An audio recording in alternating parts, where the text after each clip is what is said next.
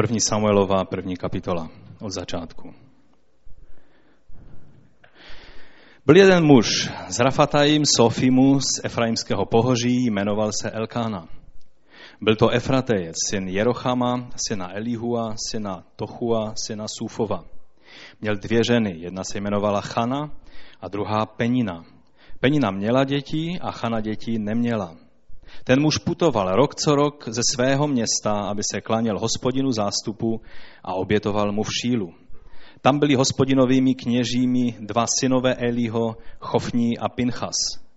Když nastal den, kdy Elkána obětoval, dával své ženě peníně i všem jejím synům a dcerám díly z oběti. Chaně pak dával dvojnásobný díl, protože Chanu miloval, hospodin však uzavřel její lůno. Její protivnice ji ustavičně urážela, že hospodin uzavřel její lůno, jen aby ji dráždila. Tak tomu bývalo každého roku. Pokaždé, když putovala do hospodinová domu, tak ji urážela, že Chana propláč ani nejedla. Její muž Elkana ji uklidňoval. Chano, proč pláčeš? Proč nejíš? Proč jsi tak strápena? Což já pro tebe neznamenám víc než deset synů? Mužové si fandí, že? Jednou, když v Šilu pojedli a popili, Chana vstala, zatímco kněz Eli seděl na stolci u veřejí hospodinova chrámu a v hořkosti duše se modlila k hospodinu a usedavě plakala. Složila slib. Řekla, hospodine zástupu, jestliže opravdu zhlédneš na ponížení své služebnice a rozpomeneš se na mě, jestliže na svou služebnici nezapomeneš, ale daruješ své služebnici mužského potomka, darují jej tobě, hospodine, na celý život. Břitva se jeho hlavy nedotkne. Když se před hospodinem tolik modlila, Eli dával pozor na její ústa. Chana hovořila jen v srdci a pouze její rty se pohybovaly, ale její hlas nebylo slyšet. Takže jí Eli pokládal za opilou. Řekl jí proto, jak dlouho budeš opilá, zanech už vína.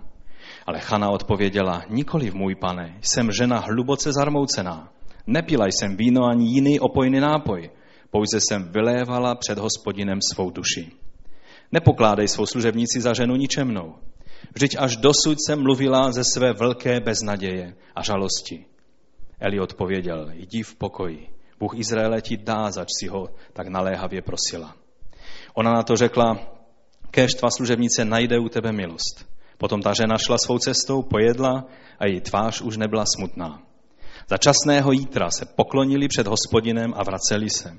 Když přišli do svého domu do rámy, Elkána poznal svou ženu Chanu a hospodin se na ní rozpomenul.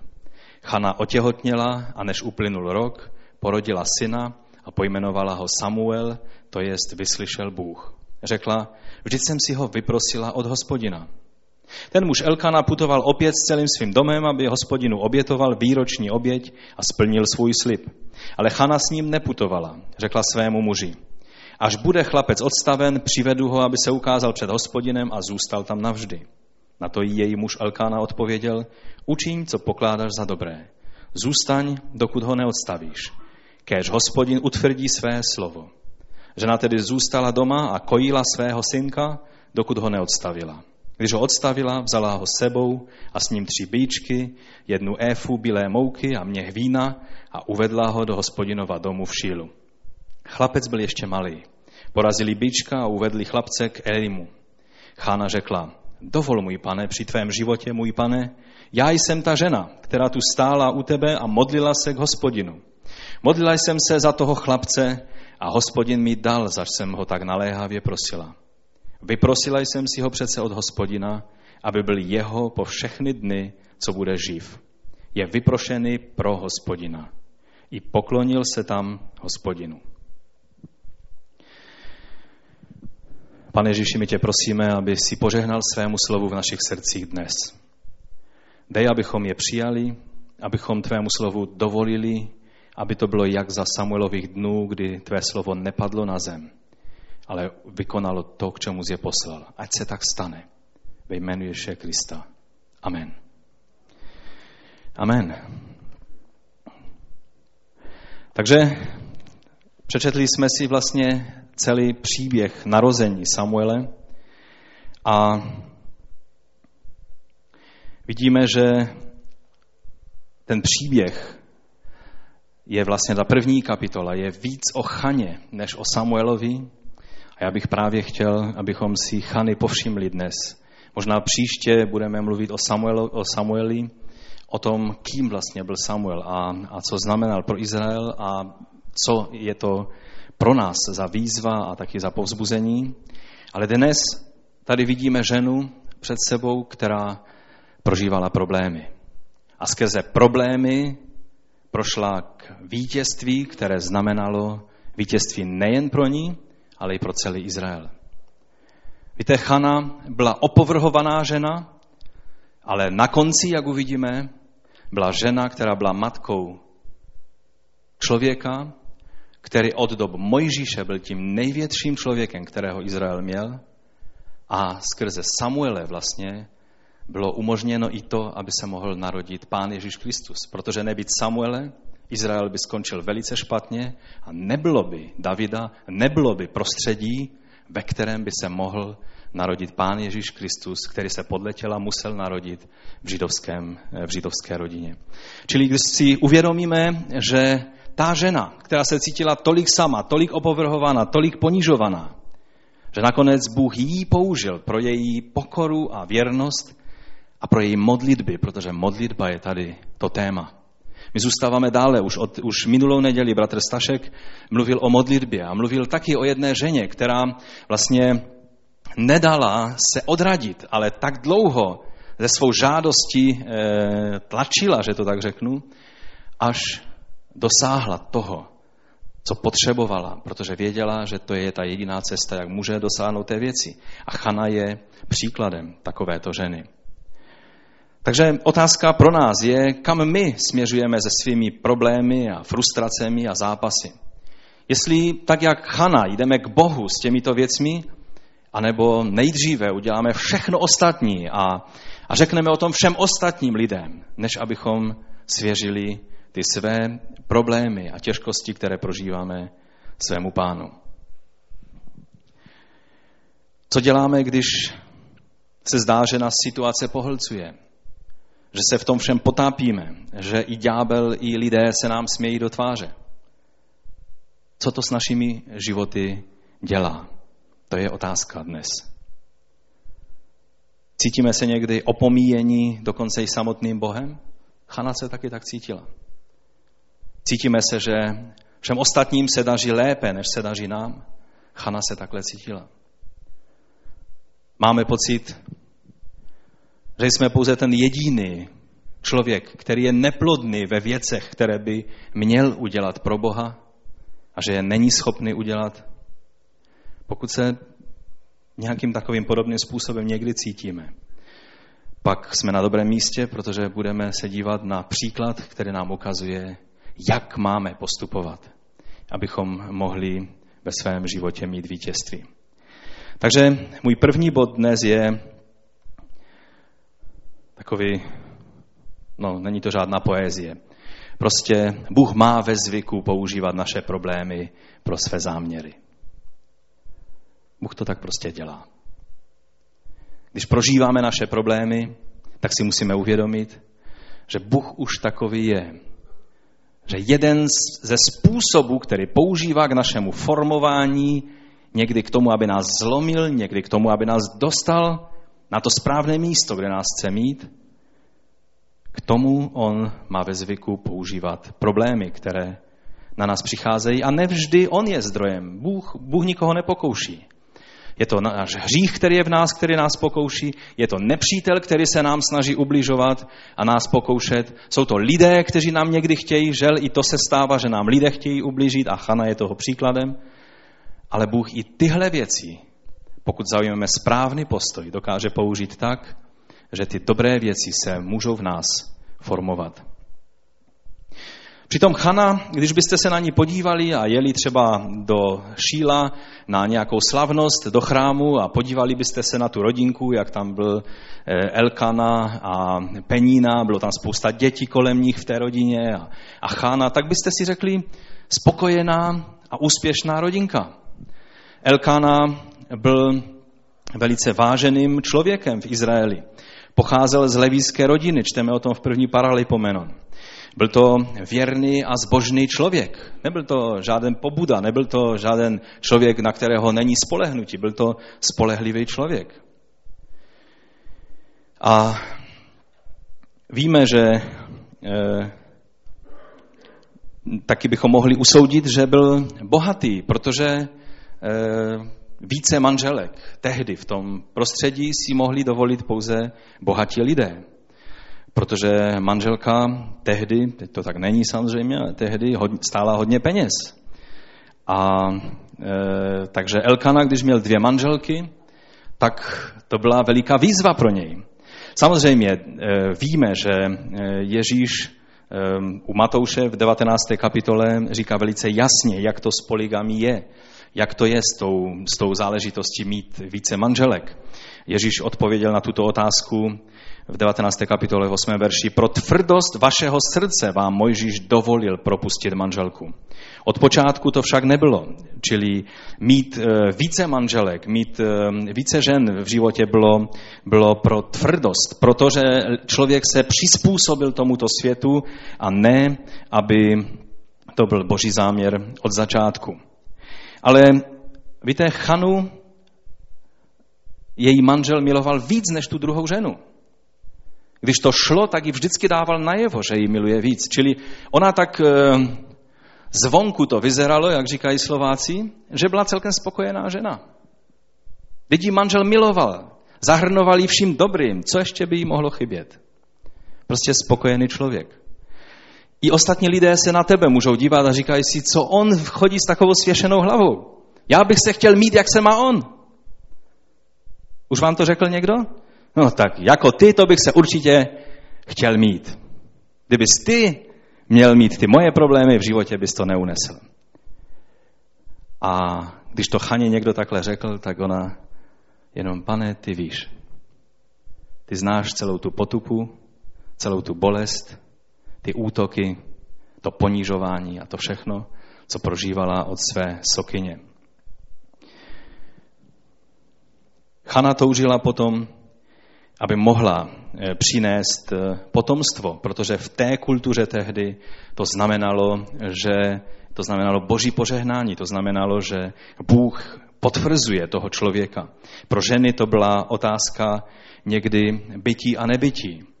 Eh, vlastně pokud by Chana měla děti, tak se zdá, že ani Elkana by tu druhou manželku eh, nepotřeboval. On eh, tu manželku měl právě kvůli, tu druhou právě kvůli tomu, že neměl potomstvo a pro muže nemít potomstvo v té době tehdy znamenalo velkou potupu, ale taky i velké riziko do, pro stáří. No ale to, co mnozí lidé nevěděli, protože Chana nebyl ten typ člověka, který by chodil kolem a stále jenom mluvil o svých problémech. Víte, jsou lidé, o jejichž problémech všichni všechno ví, protože to je to jediné, co oni dělají, že stále mluví o tom, jak se jim nedaří a co těžkého prožívají a tak dále. Chana nebyla ten typ člověka. Ona nechodila, nemluvila všude o tom, jak na ní si právě Bůh zgustnul tím, že jí naložil všechny možné problémy. Ale penina, podle toho, jak čteme, to byla velice důsledná a velice vytrvalá a tvrdá sokyně. Víte, jak ji pojmenovává Boží slovo? V šestém verši je napsáno, že to byla protivnice Chany. A to slovo protivnice tam je skutečně použito v tom významu sokyně. Ten, kdo je proti vám, kdo vás ohrožuje, kdo na vás útočí, kdo vám nepřeje nic dobrého, kdo vás chce zničit, kdo vás chce e, ponížit. A to všechno vlastně penina vůči Chaně činila. Takže toto prožívala na každý den Chana. A o tom moc lidé nevěděli a dokonce i její vlastní manžel, když mu o tom mluvila, tak on tak trošku soběstředně, že jak to muži dělají. Sestry, odpuste nám to, prosím. On říká, no co pak, já nejsem pro tebe víc než mnoho synů. A myslel si, že tím vyřešil problém. Chano, otevři oči, teď máš mě. A přitom si neuvědomoval, co všechno Chana prožívá eh, ze strany toho, že on vlastně Prostě i když to bylo v souladu s tím, jak se tehdy žilo, že měl více manželek, ale poligamie vždycky vytváří napětí a stačí se podívat do muslimského světa nebo, nebo do západní kultury, kde muži tak nějak volně e, chápou vztah eh, k ženám, tak tam je v tom spousta bolestí, spousta ponižování. Někdy se lidé velice usmívají a tváří se, že no problém, všechno je v pořádku, ale za tou fasádou je spousta ponížení, spousta bolestí. A teprve, až se něco stane, pak lidé vidí, že to tam tak skutečně bylo. Takže to prožívala Chana. A ono vždy se najde nějaká penína, i když ostatní lidé to neví. Pokud máš takovou peninu, ať je mužského nebo ženského rodu ve svém životě, nemluv o ní s lidma, nebo o něm, nebo o té věci. Chana mohla jít a mluvit všem lidem, jak penina je špatný člověk. Ale ona šla k Bohu s tou věcí. A to nám ukazuje na tu obrovskou výhodu, kterou máme jako křesťané. Ostatní lidé musí jít za člověkem, aby vylili své srdce, aby, aby něco udělali. Volají všelijakým eh, věštkyním a, a různým takovýmto eh, lidem, kteří, kteří v konečném důsledku jenom zamoří okultismem a duchovní nečistotou jejich život. Ale my máme obrovskou výhodu. Můžeme jít k pánu. A pokud jdeme za člověkem, za bratrem, za sestrou, pak víme, že je to zase k pánu, protože oni se s námi budou modlit. A společně ten problém můžeme přinést k pánu. To je obrovská výhoda. A Chana plně využila tuto výhodu a ne to, co žel my často děláme, že když máme takovou penínu nebo takovou, prostě takový problém, tak uh, mluvíme s lidma a, a někdy způsobujeme hořkost všude kolem. Ale pokud se podíváme, tak Bůh si právě tyhle problémy Chany použil k tomu, aby dal Izraeli nejvýznamnějšího muže, jak jsem mu řekl, od dob Mojžíše. Víte,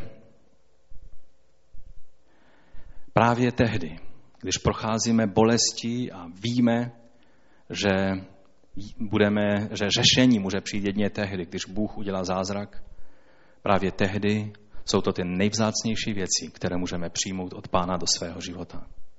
Penina měla děti, protože měla, protože, protože lidé, když, když se vezmou a žijí spolu, tak mají děti.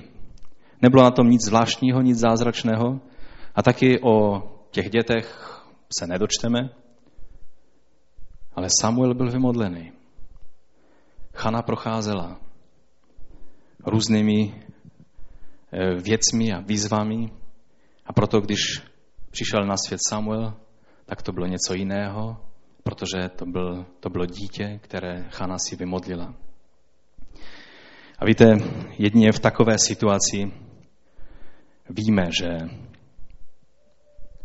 že skutečně e, to, co jsme přijali, jsme přijali od Boha a že Bůh si to chce použít a to nás přivádí k mému druhému bodu, což znamená, že problémy jsou zaručený způsob, jak nás dostat na kolena. Jsou různé způsoby, jak můžeme povzbuzovat někoho k modlitbě. Víte, v úterý je modlitevní zhromáždění, přijď, je to dobré, potkáš se tam se spoustou, s těmi nejlepšími lidmi, kteří jsou ve sboru, protože jestli se někdo modlí ve sboru, tak to jsou ti nejvzácnější členové. Takže když chcete potkat elitu tohohle sboru, přijďte v úterý. Nepřicházejte v jiný den, v neděli, to je veřejné zhromáždění a všichni jsou milé vítáni, ať vás Bůh žehná. A když se chcete setkat s elitou tohohle sboru, přijďte v úterý na modlitbách. Ale to můžete povzbuzovat a někdo přijde a zase odejde. Ale když přijdou problémy, to je zaručený způsob, jak nás dostat na kolena. Není-liž pravda. Problémy jsou dobrým učitelem modlitby. Až téměř bychom si měli říct, že občas potřebujeme nějaké problémy, abychom se modlili. To nechci říct. Nás to někdy svádí k tomu, tak jako čínští křesťané. E, jakoby váhají, jestli se vůbec mají modlit za to, aby komunistický režim padnul. A bratr Stuart nám to potvrdil, že, že vlastně takové názory jsou. Nemodlete se za, za eh, říka, říkají někteří křesťanští vedoucí eh, v Číně, nemodlete se za to, aby komunismus padnul, protože skrze ten útlak prožíváme ten růst a, a, a to všechno nádherné, co s pánem prožíváme jako jeho církev. Je to žel tak, že v problémech nám to přichází nějak víc jednoduše, že voláme k pánu. Chana taky. Ty problémy, které prožívala, ji přivedly na kolena k vroucí modlitbě a k půstu. Víte, můžete vyhlásit den modlitby a půstu a velice malé procento lidí zareaguje a bude se modlit a postit celý den. Nebo 20 dní, nebo týden. Ale když lidé prožívají problémy, tak se postí, tak se modlí protože problémy jsou dobrým učitelem půstu a modlitby. Najednou máme na modlitbu i čas. Nějak se ten čas našel.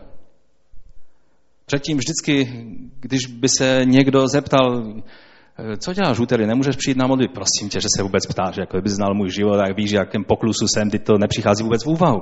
Ano, jsou různé situace a já to chápu. Já taky mám různé situace, ale, ale je zvláštní, že když pak přijde problém, tak se i ten čas najde. A najde se ve sboru, a najde se doma, a v komůrce, a v lese, a na horách, a, a všude, kde jsme, tam se modlíme. Problémy jsou dobrým učitelem modlitby. Znáte to ze svého života? Nebo mám nějaké zkušenosti ojedinělé, které nikdo jiný nemá? Mělo by to být jinak ovšem. Ale když máme problémy, tak tehdy nám přestanou i vadit takové ty vnější překážky, které nás odrazují od modlitby. Někdy si říkáme, no já bych šel se do sboru modlit, ale, ale teď tam je ten a onen a to jsou takový tělesní lidé a, a oni, když se modlí, to je jako by si četl noviny a, a, a tam ten, když mluví, tak mluví stále jenom o svých věcech a vůbec nevidí ty, ty velké věci, za, kterého, za které bychom se měli modlit. A nebo někomu vadí to nebo ono, ale když máme problémy a dostanou se k nám dost blízko, ty problémy, tak nám přestanou ty vnější věci vadit. Představte si, že Chana šla do svatyně a rozhodla se, že bude volat k pánu v prostředí, kde sloužili bezbožní synové Heliho. To byli sice kněží, ale Bible o nich mluví, že to byli dva ničemové. Bible používá toto slovo, to není, že bych já si to nějak okořenil. Bible říká, že to byly ničemové. To byli prostě naprosto bezbožní lidé. A taky Bůh soudil dům Elího potom. Kvůli tomu. A přesto Chaně ani takový Chofní a Pinchas, to grázlové, nemohli zastavit Chanu v tom, aby šla a hledala v božím domě boží tvář. Kolikrát mnohem menší věci nás odradí. Amen zůstaneme doma, protože se někdo nás mráčil ve sboru a kdo ví, co si myslel, tak, tak už tam nepůjdu. No. Chaně v té chvíli nevadil postoj jiných lidí. Důležité bylo, že ona měla správný postoj před Bohem. A přitom si všimněte, že celou dobu, co se tam modlila, tak Heli tam tak stal a celou dobu se na ní díval podezíravě. On se nedíval a neříkal haleluja, chvála panu. Tady je horlivá sestra, která se modlí. Ale on se tak na ní díval a říkal si, kolik asi má promile, kolik toho vypila. To říkal pastor tam toho zboru. Ona se modlila vylévala svou duši před pánem. Ona křičela k Bohu o pomoc. A vedoucí tam toho všeho se na ní dívá a říká, ženo, ženo, už bys měla nechat toho vína jí to neodradilo. Všimněte si, když jí to řekl na rovinu, mnozí z nás bychom se otočili na patě a šli pryč. A řekli si tak, jestli takhle to v tom zboru vypadá. Amen? Skrze její vytrvalost, že se modlila, že zachovala pokorný postoj, Bůh jí byl schopen dát to, oč ho prosila. A skrze ústa toho muže, toho stejného muže, který podezíral, že má tři promile nebo kolik, a že by už toho měla nechat, najednou jí přišlo prorocké slovo o tom, že Bůh vyslyšel její modlitbu. Všimli jste si toho? To je zvláštní. Kež by mi Bůh pomohl, abych se nikdy nedostal do stejné situace, kdy budu lidi posuzovat tělesným způsobem a žel se nám to stává někdy. Možná ne tak markantně, jak se to stalo Helimu, ale někdy se tak díváme na někoho a říkáme si, člověče, už by se měl spamatovat. A přitom v té situaci ten, kdo se má spamatovat, je někdo jiný. Amen? Ale Chana, to najednou jí to nevadilo. Ta situace ji dotlačila k tomu, že to, co se počítalo, bylo, že její postoj k Bohu. Ona vylevala svou duši k pánu a to se počítalo a všechno ostatní. To, že ji Heli podezírá, to, že tam pobíhal Chofni a Pincha s vidličkama a brali lidem to nejlepší maso z kotlů, protože už i tehdy mužové měli rádi maso. A hřešili kvůli tomu. Díky Bohu, že teď můžeme jíst všechno dokonce i vepřové a nehřešíme u toho. To, že nehřešíme, ještě neznamená, že je to zdravé pro naše těla, že? Ale to téma necháme někomu jinému. Je zvláštní, že když máme problémy a jdeme k pánu, tehdy jsme schopni i mnohé slibovat. A činíme to s naprostou opravdovostí a skutečně slibujeme to, co chceme splnit. Pak je dobré, abychom to skutečně splnili. Když máme problémy, dokážeme být v modlitbách mnohem víc vytrvalí a soustředění a nenecháme se odradit. Velice často se za ztracené lidi, za ty, kteří ještě nepatří pánu, tak vroucně nemodlíme, dokud mezi nimi není nám někdo velmi blízký. Najednou, když se jedná o naše dítě, o někoho, kdo je nám velice blízký, najednou máme čas se modlit. Najednou povzbuzujeme všechny ostatní, aby se modlili. Najednou jsme zmobilizováni, najednou, najednou víme, co znamená vroucí modlitba. A je jen škoda, že to vždy musí být skrze tlak problému.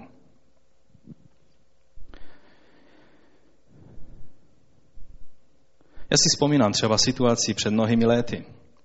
Já jsem věděl, že existují narkomané, že existují drogově závislí lidé a měl jsem takový vztah informovaného člověka, toť vsil. Ale v momentě, kdy tyto problémy měl někdo velice blízky, to byl duchovní zápas, to byly modlitby, to bylo soustředění se na pána a hledání boží tváře. A víte, nemělo by to tak být, ale Bůh s tím počítá a je dobré, že prožíváme problémy, které nás tlačí k Bohu, protože naše povaha, naše lidská přirozenost je taková, že pokud bychom neměli potíže a boušky a problémy, pak bychom to vzácné, co Bůh chce v nás vytvořit, nikdy neprožili. Vzpomínám si, jak byla naše Aňa v nemocnici s velmi vážným nálezem Myslíte si, že tehdy mě někdo musel nutit k tomu, abych se modlil za její záchranu? Že, že, že museli přijít starší zboru a říct pastorem, měl by se víc modlit. Já, já jsem nic jiného nedělal. Já jsem nic jiného nedělal. V mé modlitbě, to ať jsem měl autem, ať jsem spal, jedl, myslel na cokoliv jiného, kázal, tak jsem se modlil. A taková otázka je, jestli to není postoj, který by Bůh chtěl, aby byl v nás neustále. Vždyť Bible říká, že se máme neustále modlit. Nebo bez přestání. Ono je to o tom postoji. Není to o tom, že odříkáváte stále nějaké modlitby. Ale je to o tom, že, že ta komunikace mezi námi a Bohem je naším životem. Víte, lidé typu peníny, když jsou ve sboru, ti neprožili ty problémy, ti pak posuzují věci z toho pohledu, no tak dítě, no a co? No jasně, tak já mám děti. A dokážou být velice tvrdí ve svém posuzování, ve svých radách, dokážou být cyničtí, když se někomu nedaří. Ale Chana, ta to nedokáže, ta ví, ta tím prošla. Ta ví, co znamená agonie před Bohem. Co znamená volání, upěnlivé volání k pánu o záchranu. A proto dokáže takový člověk i se vcítit, mít tu takzvanou empatii, nebo vcítění do problému druhého člověka, protože sám procházel mnohými věcmi. Lidé, teoretikové, kteří jenom mluví, jak to všechno by mělo být a neprožili agonii před pánem, tak ti velice často jenom teoretizují. I pro mě mít někoho blízkého, velmi nemocného, do doby, než jsem to prožil, kdy, kdy celý den jsem se promodlil, když manželka byla eh, v několika hodinové operaci. Já si tehdy vzpomínám, já jsem musel dělat normálně běžné věci, eh, pracovat, ale na nic jiného jsem nemyslel, jenom jsem stál před božím trůnem. A měl jsem takový pocit, když na vteřinku odstoupím od božího trůnu, tak se stane něco velice zlého, velice špatného. Tento postoj je dobré, abychom měli. A pro mě skrze tyhle zkušenosti pak už nikdy to není totéž. Takový ten pohled nezúčastněného člověka, jak to velice často peníny mají. Víte o tom, že nejvíc odborníků na růst církve a na to, jak řešit problémy zboru, že nenajdete mezi pastory, ale mezi lidmi, kteří v životě žádný zbor ani nezaložili, ani nevedli. Někteří dokonce píšou knihy na to téma. Píšou je do doby, než nějaký zbor založí a pak čtou knihy a nepíšou.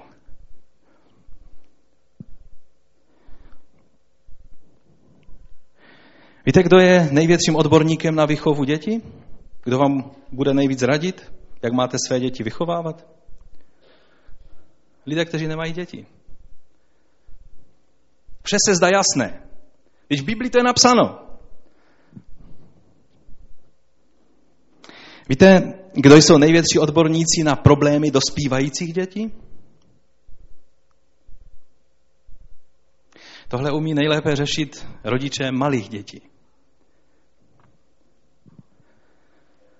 A já už jsem slyšel mnohé rady od takových lidí. A, a vždycky je lépe v takové chvíli mlčet.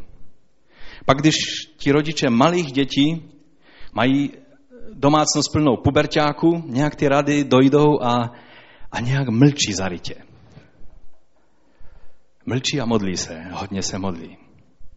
Není-liž pravda. Už nejsou tak rychlí k těm radám, jak byli předtím. Takže ty problémy někdy jsou dobrým učitelem. A Bůh je moudrý a dokáže ty naše problémy použít k dobrému. K formování něčeho v nás, čeho bychom se jinak nenaučili. Víte o tom, že Bohu víc záleží na tom, co může způsobovat v nás, než skrze nás?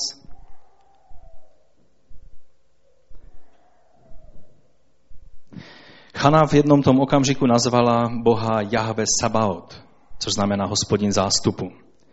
Ona vyznala, že Bůh je všemohoucí a že On je ten jediný, který dokáže naplnit její potřebu. A když poznala, že On naplnil tu její potřebu, tak celá druhá nebo část druhé kapitoly je nádherný, nádherný chválospěv, který Chana eh, vůči Bohu eh, vyškla.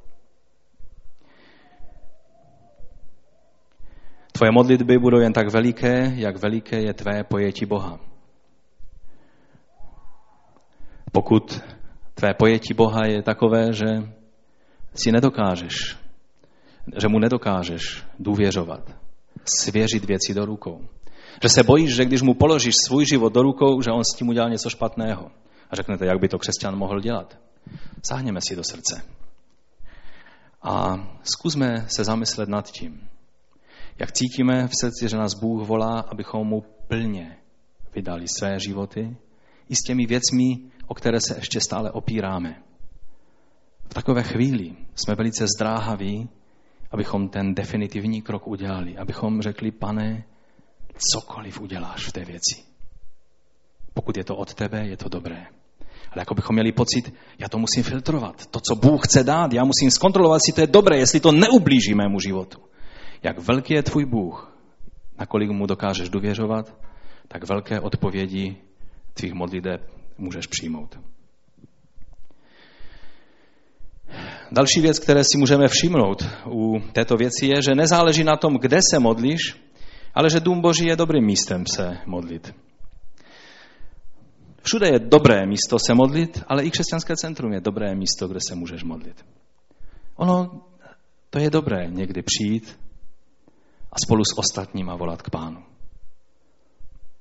I když samozřejmě to, kde se modlíme, na tom zas tolik nezáleží.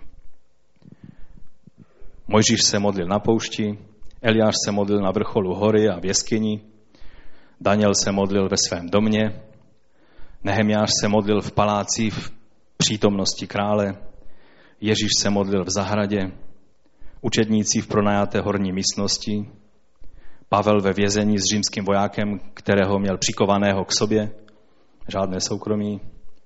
Petr se modlil na střeše domu svého hostitele a vůně oběda mu dráždila jeho nozdří a přesto se modlil. Petr, eh, teda Chana se modlila v božím domě, který nebyl ideálním místem. Už jsem řekl, Eli pozoroval kriticky. Nevím, jak by se vám modlil, kdyby celou dobu se na vás takhle kriticky někdo díval a říkal si, co ten člověk tady dělá. Snad on nemá tu odvahu se modlit. Teď je opila. Musím ji napomenout. Hned, hned po zboru za ním zajdu a napomenu. Jsou někdy svaté okamžiky, které dává Bůh. A jeden z takových okamžiků jsou chvály. A pak některý z hudebníků udělá nějakou chybu, třeba, já nevím, bubeník do toho víc zabuší, anebo kytarista tam prostě udělá něco, co se nám zrovna nelíbí, nebo co poznáme, že to zrovna nebylo to, co chtěl udělat. Dokážeme být v té chvíli kritičtí, anebo dokážeme se soustředit na pána.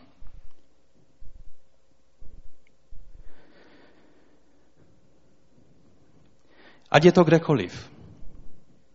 Ať je to třeba i uprostřed různých rušivých elementů. Jen aby se zmodlil. Ať je to doma na poušti, v lese, tak jak jsem vyčetl ten seznam těch různých modlitebníků na různých místech, prostě se modlí. Neřekni, já bych se modlil, kdybych. Prostě se modlí. Neřekni, budu se modlit až. Ale prostě se modlí.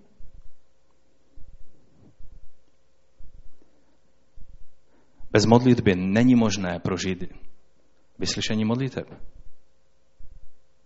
To je takové, až mi řeknete, no to zase řekl moudrost. Zkusme se nad tím zamyslet. Někdo moudřejší než já řekl, že největší problém křesťanů nejsou nevyslyšené modlitby, ale nepromodlené modlitby.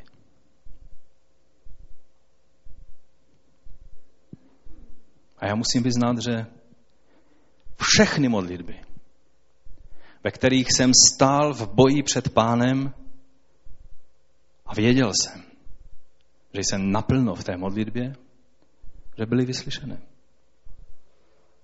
Samozřejmě to nejsou všechny modlitby, kterými jsem se v životě modlil.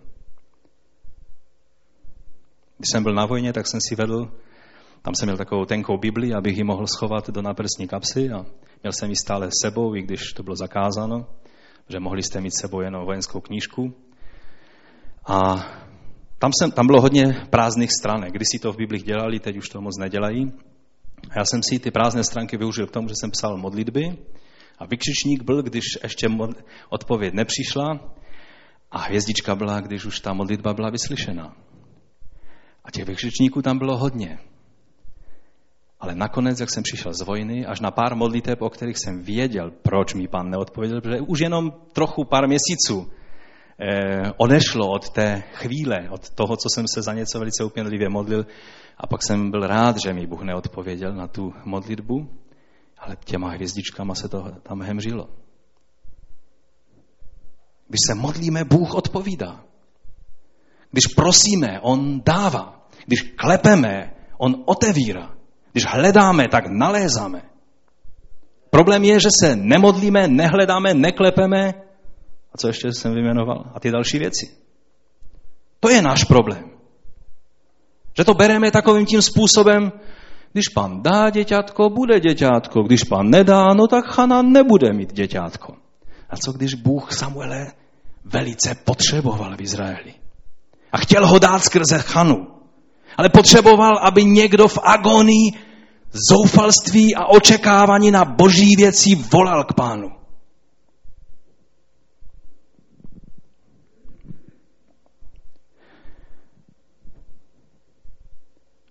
A proto modleme se. Neříkejme až a pokud a jestli, ale prostě se modleme.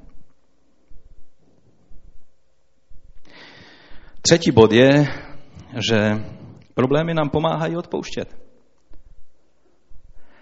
To zase není nějaká velká věda, to je jednoduchá pravda, ale tak těžce aplikovatelná.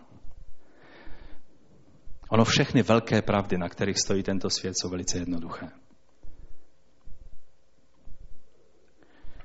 Chaniny problémy, kterýma procházela a volání k pánu a to všechno dohromady, jak ji Bůh formoval, způsobilo, že dokázala odpustit. Musela odpustit svému manželovi jeho netaktnost a tak trošku, že, že byl nad věcí a neuvědomoval si, co Chana prožívá. A já bych vás chtěl všechny sestry, které máte manžely, prosit, abyste byli trpěliví se svým manželem. My chlapí se tváříme, že jsme velice chytří, ale ve skutečnosti v jedné věci jsme dost tak nějak eh, máme dlouhé vedení. A to je, abychom přesně zjistili, co zrovna prožíváte vy. A tak eh, mějte, buďte trpěliví v těchto věcech.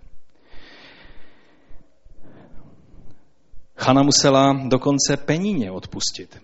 A ona nenosila nějaké ty urážky a tu hrubost a to ponižování ve svém srdci, ale to vylila před pánem.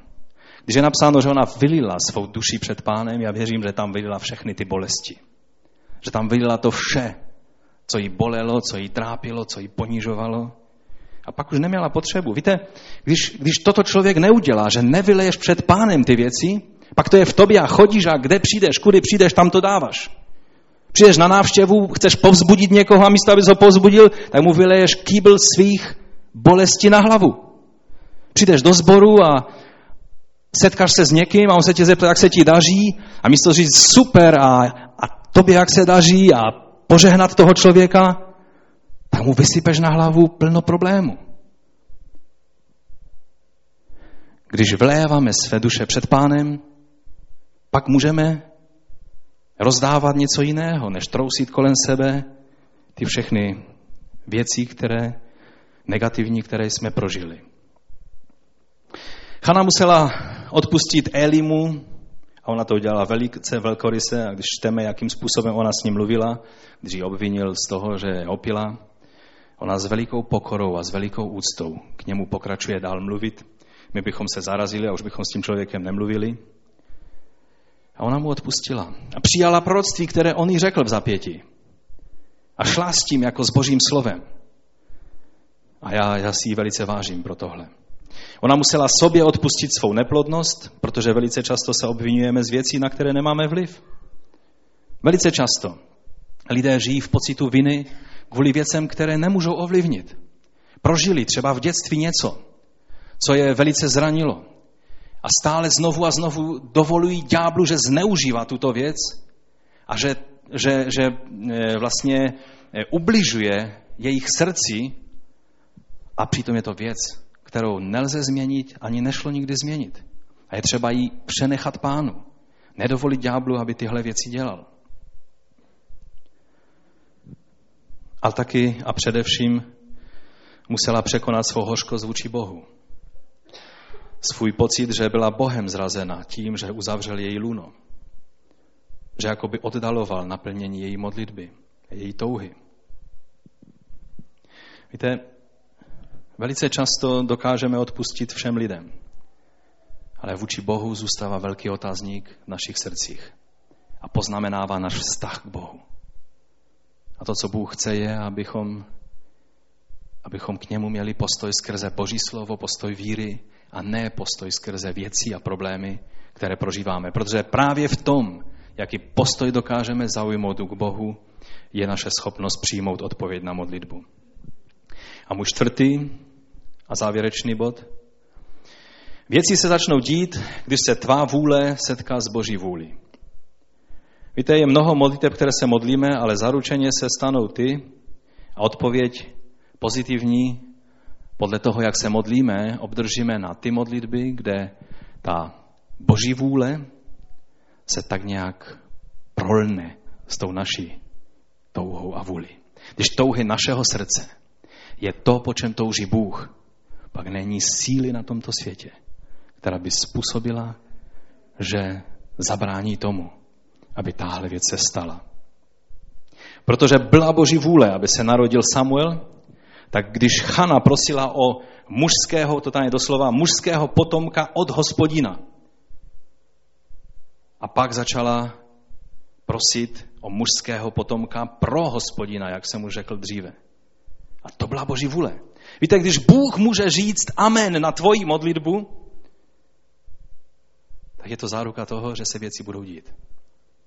Když my všichni řekneme amen a říkáme si, no já nevím, pak je třeba ještě hodně se modlit a poznat Boží vůli. Ale když na tvoji nebo moji modlitbu Bůh může říct amen, pak se věci dějí. Není síly, která by zabránila tomu, aby se věci děly. A proto se potřebujeme začít modlit, obrazně řečeno, o mužského potomka pro hospodina. O řešení pro boží dílo, nejenom pro uspokojení našich osobních touh či ambicí. A v takových chvílích, kdy jsme zlomeni před Bohem, je pro nás jednodušší vidět ty boží věčné záměry. Když dovolíme tomu všemu, co prožíváme, že na nás tlačí tak, aby, to, aby nás to přivedlo blíž k Bohu, kdy začneme pak cítit tlukot Božího srdce, po čem On touží, začneme víc vidět do božích věcí. A to všechno začalo jenom tím, že jsme měli problémy. A tak si myslím, že někdy bychom měli dokonce být rádi, že nějaké problémy prožíváme.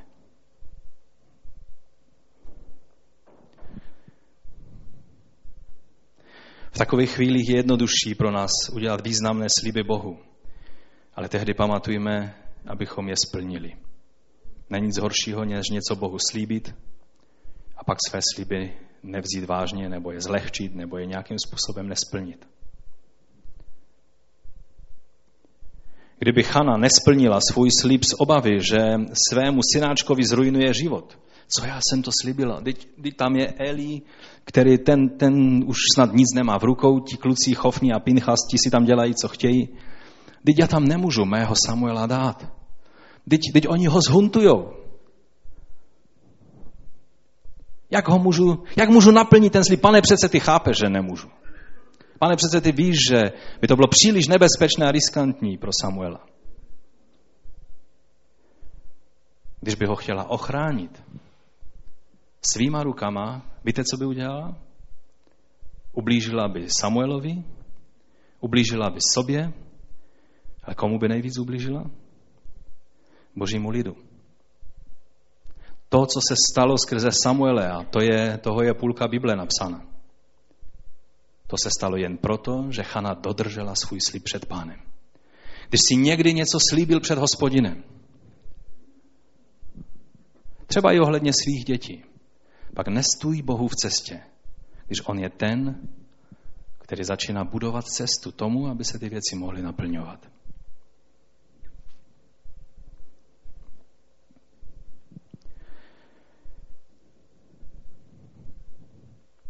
Samozřejmě to není jednoduché být dítětem božího služebníka.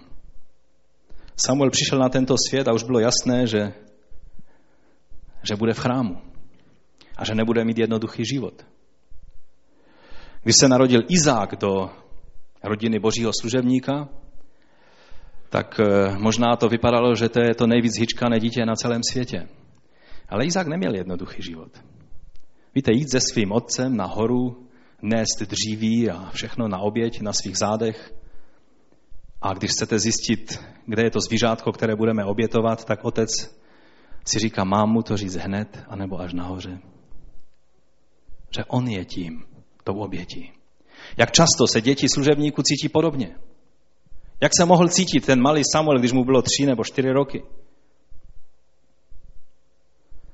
Myslíte si, že tehdy děti neměly cíty, neuměli plakat, neuměli říct, a já tam nepůjdu. To všechno bylo velice podobné, jak je dnes. Akorát Bible v těch situacích, všimněte si, Bible nerozebírá příliš city. Všimli jste si? Že napsáno Abrahamovi, že šel aby obětoval Izáka, tam není rozepisováno. A celou noc neprospal a měl z toho migrénu a měl z toho deprese a bral tabletky a šel za sestrou Uršulou, aby mu předepsala nějaké léky, protože se z toho zhroutil. To tam není napsáno. Ani tady není napsáno, když Samuele přivedli do chrámu. Jak srdce rybné to bylo ho tam nechat a jít. Protože to podstatné je, že ta trocha bolesti v naplnění Božího slibu není absolutně srovnatelná s tou slávou, kterou Bůh připravil pro ty, kteří splní své sliby hospodinu. Řekněte amen, pokud chcete.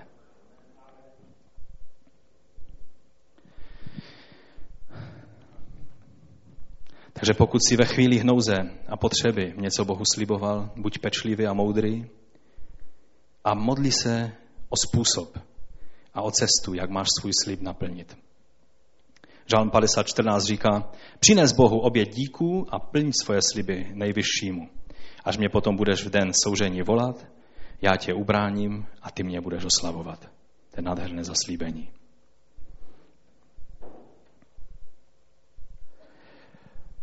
No a přece jenom ještě na závěr jednu věc pro úplnost, pátý bod. Jistotu vyslyšení můžeme mít ještě dříve, než uvidíme naplnění, fyzické naplnění naší prozby.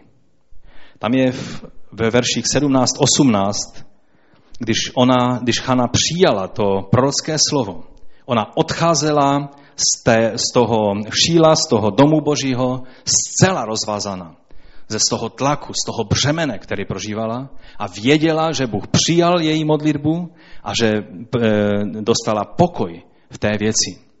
A to je pro nás poučení, že se máme modlit tak dlouho a volat k pánu tak dlouho, až buď uvidíme ty první příznaky toho, že Bůh zasáhl, anebo přijmeme pokoj a boží oslovení, že Bůh převzal tuto věc.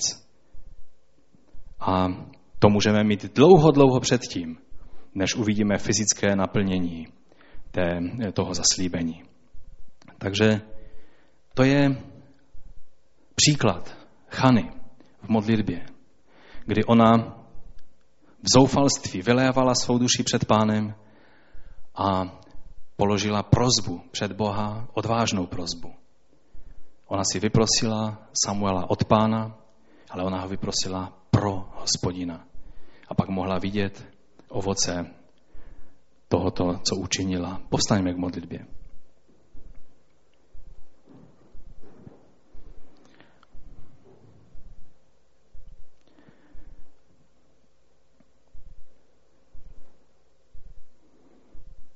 Pane, já ti děkuji za to, že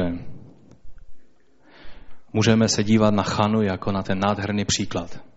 Člověka, který prožíval problémy tak jak my, větší problémy, ale nezahořkl, nezahořkla, ne, nezískala postoj ani vůči lidem, ani vůči tobě, který by ji bránil v postoji víry.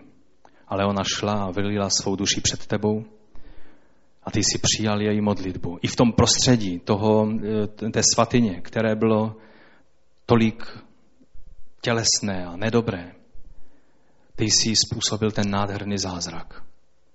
Že Chana dostala odpověď na svoji modlitbu. Pane, dej, abychom měli stejný postoj, jak ona. Dej, abychom si z toho vzali příklad do našich životů. Dej, abychom v modlitbě byli stejně vroucí a stejně, stejně vytrvalí abychom mohli skutečně se modlit za věcí, které vidíme, že se nedějí tak, jak by se měly dít. Dej nám milost, abychom se víc modlili a ne hodně mluvili o těch věcech.